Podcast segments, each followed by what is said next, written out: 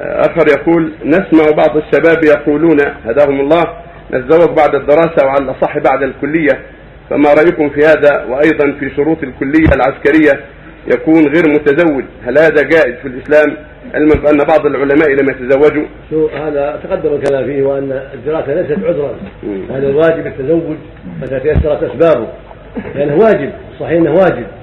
يقول النبي صلى الله عليه وسلم يا معشر الشباب من استطاع منكم فليتزوج. هذا أمر والأمر للوجوب هذا هو الأصل.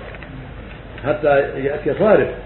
الواجب على من قدر يتزوج ولا يعتذر بالدراسة ولا بغير الدراسة. الواجب البدار مهما قدر. لا من الرجال ولا من النساء. لأن هذا اغض البصر وأحسن الفرد كما قاله النبي عليه الصلاة والسلام.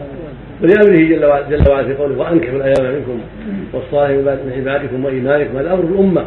وأمر لأولياء الأمور وأمر لأولياء الرجال والنساء أن يتعاونوا في هذا في إنكاح الأيام. وعدم تركهم فالواجب العناية بهذا الأمر. وعدم الاعتذار بالدراسه لا من الشباب الذكور ولا من الإناث. الواجب في هذا التعاون على إيجاد النكاح والبدايه بالنكاح والدراسة لا تمنع من ذلك. إن استمروا والحمد لله. وإن لم يستمروا فلا مانع. وسوف يجدون اعمالا أخرى غير الدراسة يعملون فيها إما حرة وإما غير حرة. والرزق عند الله عز وجل. وبعضهم ياتيه الشيطان ويقول له إنك إذا تأخرت عن الدراسة أو تأخرت فلان عن الدراسة قد يأتيها يوم تحتاج الوظيفه ما عندها وظيفة ما عندها عمل تبقى فقيرة.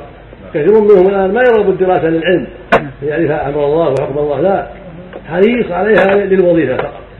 هذا الغالب على الناس. كأنه بيموت فقرا اذا لم يتوظف. كذلك عند الله عز وجل مو في الوظيفة.